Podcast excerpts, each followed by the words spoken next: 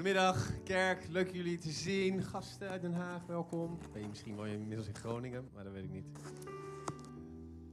Hey, ik uh, mag vandaag een mooi woord voor jullie brengen. Ik weet niet of je het kan herinneren. De vorige keer heb ik gesproken over het, uh, het verstaan van Gods stem. Een van de, de schriftgedeelten die we toen hebben behandeld was um, in Lucas 8 Nee, in Johannes 10, vers 27, waarin Jezus zegt: My sheep, they will hear my voice. And I know them and they will follow me. Dus de schapen die, die zullen mijn stem horen, die zullen mijn stem verstaan en ze zullen mij volgen. Nou, vandaag wil ik daar in het verlengde daarvan, eigenlijk op het gebied van het verstaan van Gods stem, uh, met jullie spreken. En dan spe specifiek op het onderwerp profetie. En uh, nu zijn er, ik, ik, weet dat hier mensen in de kerk zitten die zijn heel profetisch, die wandelen in het profetische, hebben heel veel profetische woorden ontvangen en gegeven. Maar ik, ik weet ook dat er mensen zijn die zoiets hebben van profetie. Wat is dat? En wat moeten we daar dan vandaag de dag mee? Dat waren toch mannen in het Oude Testament die allemaal zeiden: bekeer je, anders gaat er wat gebeuren. Nou, dat gebeurde zeker in het Oude Testament. Maar als we de Bijbel induiken, dan zien we eigenlijk ook dat profetie voor vandaag de dag is. En uh, dus dat is wat ik je graag mee wil geven vandaag. Dat ik je de hoop inzicht geef in wat zegt de Bijbel over profetie uh, in het Oude Testament, Jezus, Nieuw Testament. En hoe kunnen we dat dan toepassen en wat is het eigenlijk voor ons als hedendaagse christenen? Allereerst wil ik graag bidden. Vader in de hemel, dank u wel. Vader, we hebben u alle eer gegeven en alle lof. Dank u wel, Vader, dat is zelfs de storm uw naam nog kent. Dat we in alles rust mogen vinden bij u. Dat we boven situaties uit mogen kijken. Om te horen wat u zegt en te zien wat u doet. Dank u wel, Vader, dat u vandaag wil spreken door uw woord. Onze harten staan open om, om te ontvangen. In Jezus' naam. Amen. Ik hoop dat je, net als ik, blij bent dat je onderdeel bent van een kerk die misschien niet zoveel vasthoudt aan tradities, dingen die we al jarenlang gedaan hebben. We zien hier niet een orgel staan, het ziet er allemaal wat anders uit. Uh, en daar ben ik blij om, maar niet alleen daarom. Ik denk dat wij als mensen en als kerk soms falen in, in hoe we het geloof eigenlijk invulling geven. We hebben door de jaren heen eigenlijk gezien dat de kerk en afspraken die in kerken gemaakt zijn, dat die eigenlijk soms, ja, dat er dingen worden besloten en dingen, uh, focus wordt gelegd op dingen waardoor andere elementen uit de Bijbel misschien een beetje naar de achtergrond verdwijnen. Bijvoorbeeld genezing. Dat je jarenlang was genezing eigenlijk geen onderwerp in kerken. Maar ik hoop dat je met mij gelooft dat Jezus niet alleen kwam op aarde om voor onze zonde te sterven, zodat we uiteindelijk naar de hemel kunnen gaan. Maar dat hij ook kwam om een voorbeeld voor ons te zijn, voor de discipelen, om ze te trainen en vervolgens ook de discipelen de wereld in te sturen en ons de wereld in te sturen. Hij zegt: ga heen, vertel alle volken wat ik je geleerd heb, leg ze de handen op, doop mensen. Maar ook drijf demonen uit en genees de zieken. Dus ik hoop dat je met mij ook gelooft dat het leven wat Jezus leefde, voor vandaag de dag een voorbeeld voor ons mag zijn. En zo zien we dat ook op het gebied van profetie. We zullen zo de Bijbel induiken, maar dit, profetie is nou een van die dingen waarvan ik denk van ja, dat heeft de, de, kerk onderwijst daar wellicht wat weinig over. Als ik het woord open, dan denk ik van wauw, dit is zo bijzonder. Wat God hier, wat God klaar voor ons heeft liggen. Dus Jezus die spreekt over geheimen, geheimen van het koninkrijk die voor jou en mij openbaar worden. Hij zegt dat in de, gelijkenissen, in de zegt hij, ja, aan jullie is het gegeven om de geheimenissen van het koninkrijk te kennen. Voor andere mensen zijn het misschien verhalen, maar voor jullie, voor degenen die hongerig zijn, die naar Jezus naderen, die zeggen, God, ik wil meer van u. Voor jullie, voor ons, liggen geheimenissen van het koninkrijk klaar. En ik geloof dat we in een seizoen zitten waar we nog veel meer van die geheimenissen, van die openbaringen van God gaan ontdekken. God heeft zoveel in petto voor ons. En daar heb ik veel geloof voor. En als we allereerst eens uh, kijken naar de Bijbel in het Oude Testament. Ehm, en dan bekijken van ja, waar, wat is profetie nou eigenlijk? Waar wordt het voor gebruikt? Nou, een, een eerste tekst in Genesis zie je niet zoveel over profetie. In Exodus, gelijk een bijzonder vers eigenlijk. Exodus 7, vers 1, dat komt op het scherm als het goed is. Daar zegt de Heer tegen Mozes, de Heer, eh, de Heer zegt tegen Mozes, zie, ik stel u als God voor Farao en uw broeder Aaron zal uw profeet zijn. Dus gelijk wel een heel bijzondere, denk ik. Dus hij zegt, nou, Mozes, jij bent even God. En Aaron, die is dan de profeet. En eigenlijk wordt hier al gelijk duidelijk wat de functie van een profeet is, wat een profeet doet. Een profeet die geeft een woord door van iemand anders, in dit geval van God. Of in dit geval zelfs van God naar Mozes, door Aaron naar de farao. Want misschien, als je, de, als je het wel eens gelezen hebt, Mozes die kreeg de opdracht om naar de farao te gaan, maar hij, hij was nerveus. Hij zei, ik kan niet goed praten, ik, kan niet, ik kom niet uit mijn woorden. Hoe, kan ik, hoe kunt u mij dan sturen? Zei God, maak je geen rust, bro. Ik stuur je broeder Aaron met je mee en die zal jouw profeet zijn. Die zal voor jou spreken. Nou, we zien in het Oude Testament dat profeten heel vaak het woord van God ontvingen en dat doorgaven aan de mensen. Prof, uh, profetie um, betekent ook zoiets als een aankondiging of iets in het leven roepen. Dus uh, bijvoorbeeld Jona, die kondigde aan aan de stad Nineveh: Jongens, als jullie je niet bekeren, dan gaat het fout aflopen met de stad. Hij kondigde dat aan. En het is natuurlijk een heel mooi verhaal dat uiteindelijk de koning en, en de hele stad tot bekering komt. En dan zie je ook gelijk de, de gevolgen van een profetie. Dat God stuurt niet, zo, niet voor niets zo'n woord. Die wil graag dat mensen tot inkeer komen. En doordat, mensen, doordat het woord uitgesproken werd, doordat mensen ermee aan de slag gingen, kwamen uiteindelijk heel veel mensen tot geloof. Heel bijzonder. En we zien ook een andere profeet in het Oude Testament, Joël, die profeteert. Daarna zal ik mijn, Joel 2, vers 28, daarna zal ik mijn geest uitstorten op alle mensen. Jullie zonen en dochters zullen profeteren. Aan oude en jonge mensen zal ik dromen geven. Deze profetie in het Oude Testament door de profeet Joël, die komt weer terug in handelingen waarin Petrus zegt: Vandaag, tijdens de uitstorting van de Heilige Geest, is deze profetie in vervulling gegaan.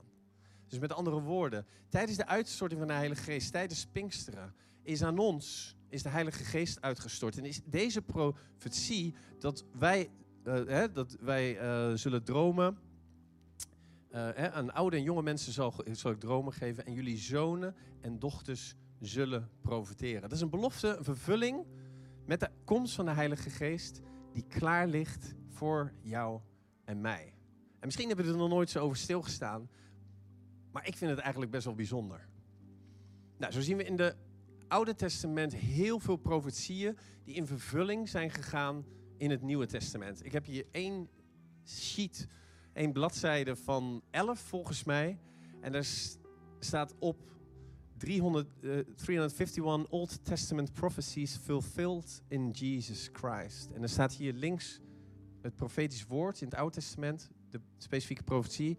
En dan rechts het vers in het Nieuwe Testament waarin die profetie vervuld is. Dus 351 profetieën vervuld in Jezus in de Bijbel. Nou, ik heb aan Stefan gevraagd om dat morgen met de e-mail nieuwsbrief, waar jullie natuurlijk heel erg op zitten wachten elke week. Morgen zit hij erbij en dan volgende week, dan, als ik even door de gangen loop en vraag van, hey Benjamin, profetie 312. En dan zeg jij, dat is deze. Nee hoor. Ik heb hem niet zelf opgesteld, maar mooi natuurlijk dat het internet er is om dat soort uh, dingen te verzamelen. Ik, ik word hier in elk geval heel erg enthousiast van. Het is leuk om daar eens doorheen te lopen. Jezus zelf, als we een stapje maken naar het Nieuwe Testament, dan zien we dat Jezus zelf ook profeteert. Hij, uh, onder andere gaf hij aan tegen Petrus van, hé hey jongen, voordat die haan kraait, ga jij mij drie keer verloochenen. En Petrus, zoals hij was natuurlijk, nee, dat ga ik echt niet doen. En uiteindelijk doet hij dat dus wel. Jezus profeteerde Hij voorspelde zijn dood, zijn opstanding, de verwoesting van Jeruzalem. Dus Jezus ook was heel bekend met profeteren. En logisch, want we lezen ook in de Bijbel dat Jezus kon niks doen uit zichzelf. Hij zei alleen de dingen die hij de Vader hoorde zeggen. En hij, hij, ehm, hij zag ook alleen de dingen die, eh, die de Vader zag doen. Dus Jezus stond in directe relatie met God de Vader en gaf die woorden door aan de mensen om zich heen.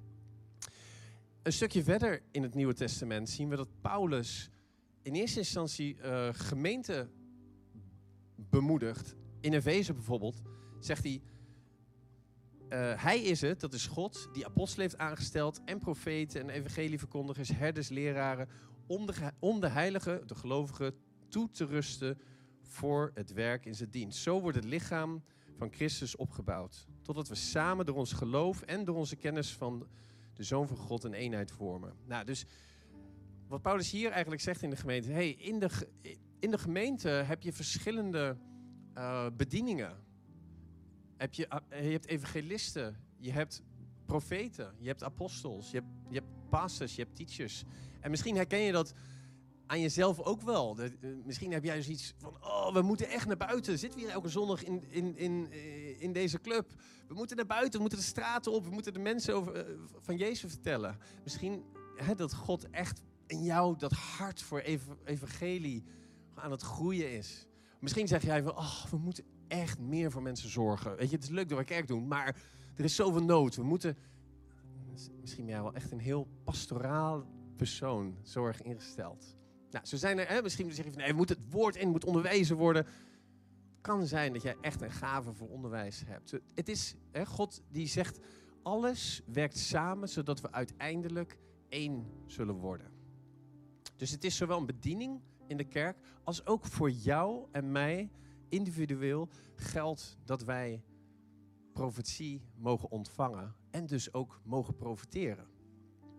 Sterker nog, Paulus die zegt, die zegt ergens, ja ja, in 1 Korinthe 14 vers 5, ik zou willen dat u alle in klanktaal, hè, dat is tongen, tongen uh, kon spreken, maar nog liever heb ik dat u profiteert.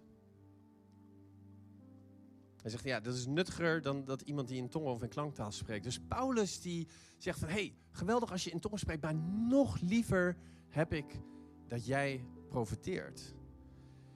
En dan denk ik van, wauw, waarom? Waarom vindt Paulus dat nou zo belangrijk? Ik, ik, om eerlijk te zijn, ik snapte dat nooit echt. Ik weet dat er hè, kerken zijn die hebben, die hebben daar... Uh, volledig profetische verdieningen. Anderen geloven er helemaal niet in. Anderen zitten misschien wat tussenin. Maar ik had zoiets van, ja, maar wat is nou precies het belang van profetie? Een van de dingen is, en dat zien we in 1 Korinthe 14, hetzelfde hoofdstuk, maar een stukje verder. Daar staat, als we in de kerk profiteren en een ongelovige komt binnen, dan zal hij tot geloof komen. Hij zal op zijn knieën vallen en God aanbidden. Weet je, stel je voor dat hier iemand vandaag voor de allereerste keer naar binnen komt. Niet gelovig. Met een hele rugzakje vol met bagage. En jij, in plaats van dat je naar iemand kijkt om hoe iemand eruit ziet, of gedrag van die persoon, dat jij vraagt van God, wie komt hier binnenlopen? Hoe ziet u deze persoon? Wie is het? Wat heeft hij meegemaakt? Wat wilt u tot hem of haar zeggen? Weet je, we zijn allemaal heel bewust van onze tekortkomingen. Ons leven lang hebben we het misschien wel gehoord van een vader die eigenlijk niet zo vader was zoals hij had moeten zijn. Van vrienden op het schoolplein die je voor iets hebben uitgemaakt. Van collega's misschien wel. En beetje bij beetje ben je dingen over jezelf gaan geloven die niet meer in lijn zijn met het woord van God, wat God, hoe God jou ziet, hoe Jezus naar jou kijkt. Maar we zijn dingen gaan geloven. En de vijand die, die wil ons het liefst in die hoek hebben. Waar we nooit zien hoe groot we zijn. Waar we nooit zien hoe God naar ons kijkt. Dat is hoe velen van ons leven. En daarom is het woord van God gesproken door jou en mij naar andere mensen zo belangrijk. Het is het goud in mensen naar boven brengen. Het goud dat misschien bedolven ligt onder een, onder een hele berg puin. En puin in dit geval je ervaringen, woorden die gesproken zijn. Het hele, hele, hele rijtje wat ik net opgenoemd heb. Maar God is nog steeds dezelfde God. En hij wist al voordat jij geboren was. Hij wist al wie jij ging worden. En hij houdt van jou. En hij heeft grote plannen voor jou. Zoveel, vaak in de Bijbel, dan zien we een Gideon die wordt geroepen door God. En dan zegt Gideon, ja maar ik ben de kleinste, uit de kleinste stam. En ik ben de minste en de minste. En hetzelfde met, met uh, Saul in het Oude Testament. En David, die werd niet, niet, die werd niet eens meegeteld bij zijn broers, omdat hij zo klein was en zo anders. Elke keer is het hetzelfde. De vijand wil ons proberen klein te houden. Maar God die ziet ons groot. En die ziet jou en mij groot. En dat is het belang van het gesproken woord van God naar jou en naar anderen. En er ligt een uitnodiging voor ons. Want profetie is een gave van God. Het is een gave van de geest.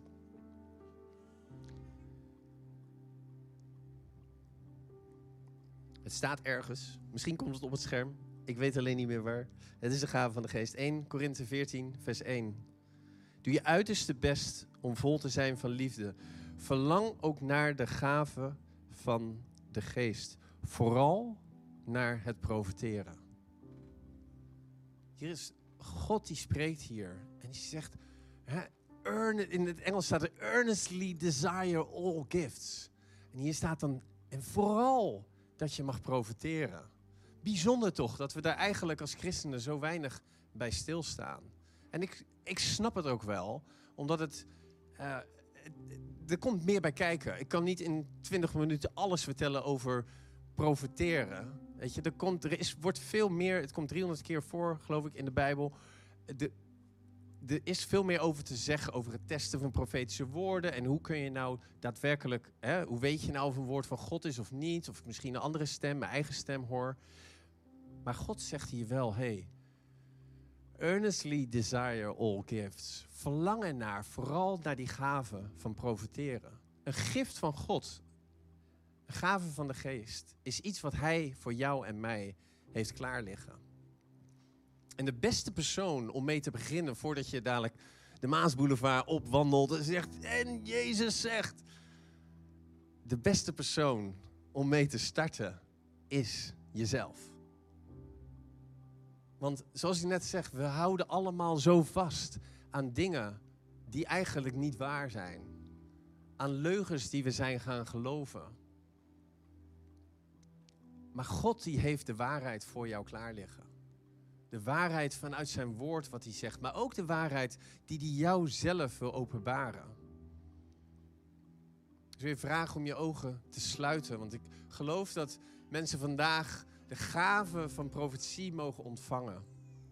En ik geloof tegelijkertijd dat God leugens over jou wil verbreken. Ik heb het idee dat mensen, sommige mensen een leugen geloven dat je dat je klein bent. Klein fysiek, klein in, in de impact die je hebt. Dat mensen, dat mensen je niet voor volwaardig aanzien. Dat je niet gelooft in jezelf. Dat je in een functie misschien wel ziet in, in je werk waar je je niet thuis voelt omdat je niet volledig het geloof hebt dat jij het kunt doen. Dat je naar anderen kijkt en denkt, die zijn beter, die snappen het beter. En God zegt vandaag, you are a mighty warrior. Fear not. Heb geen angst. Jij mag er zijn en daar waar jij het niet kunt dragen, wil ik je vragen. Kom in mijn juk. Laten we samen het oppakken.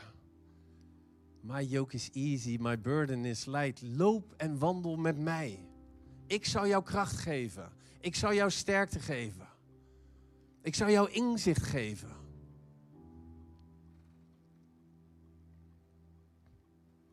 Ik geloof dat er mensen zijn die ideeën hebben.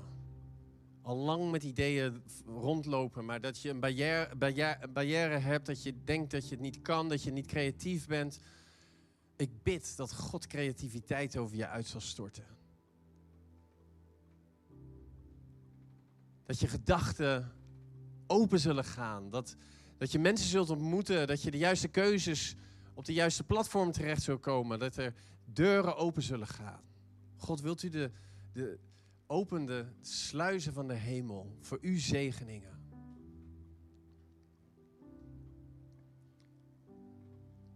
En ik wil ook bidden voor mensen die, als ze naar zichzelf kijken, of het nou in de spiegel is of, of niet. Maar ja, eigenlijk hou je niet van jezelf. Hou je niet van wat God gemaakt heeft. Maar God houdt zoveel van jou. En als Hij naar jou kijkt, dan zegt hij: Je bent wonderschoon. Je wordt gezien. Je bent geliefd. Je mag er zijn. En we verbreken. We verbreken alle woorden die over jou uitgesproken zijn en die je zelf over jezelf hebt, uitgesproken. We, verbergen het, we begraven het en we halen, het goud wat God ziet in jou naar, naar boven.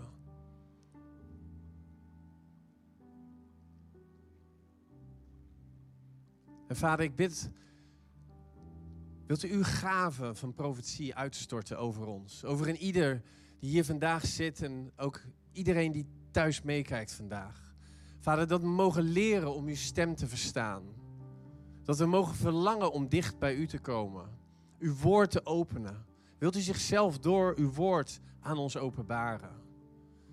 Vader, help ons om over angsten heen te stappen. Dat als we misschien een woord hebben voor iemand anders, dat we het niet durven te geven, omdat we bang zijn dat we ernaast zitten.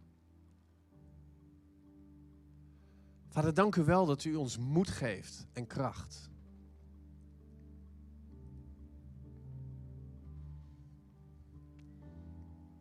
En ik wil ook bidden voor een groep mensen, misschien, misschien ben jij het wel, die weer een rust en vrede bij God mogen vinden.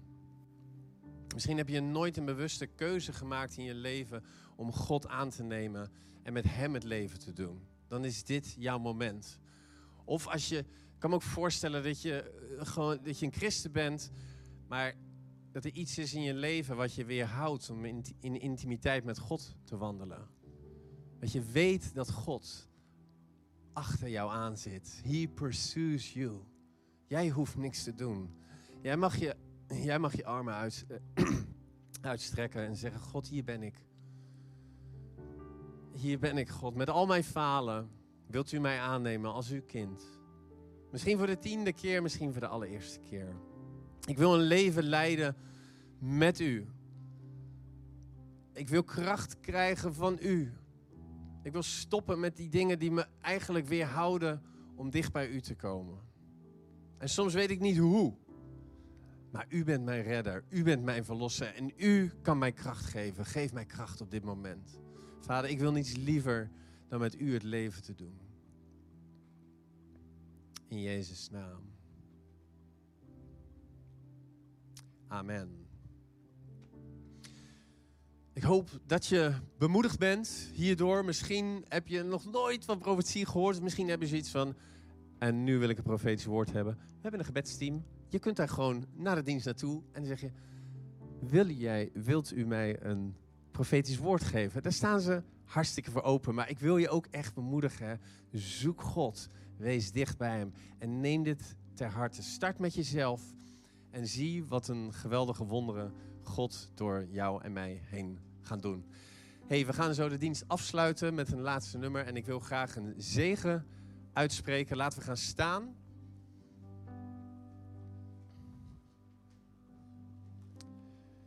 Dan zien we een mooie week tegemoet. Vader in de hemel, dank u wel voor uw liefde.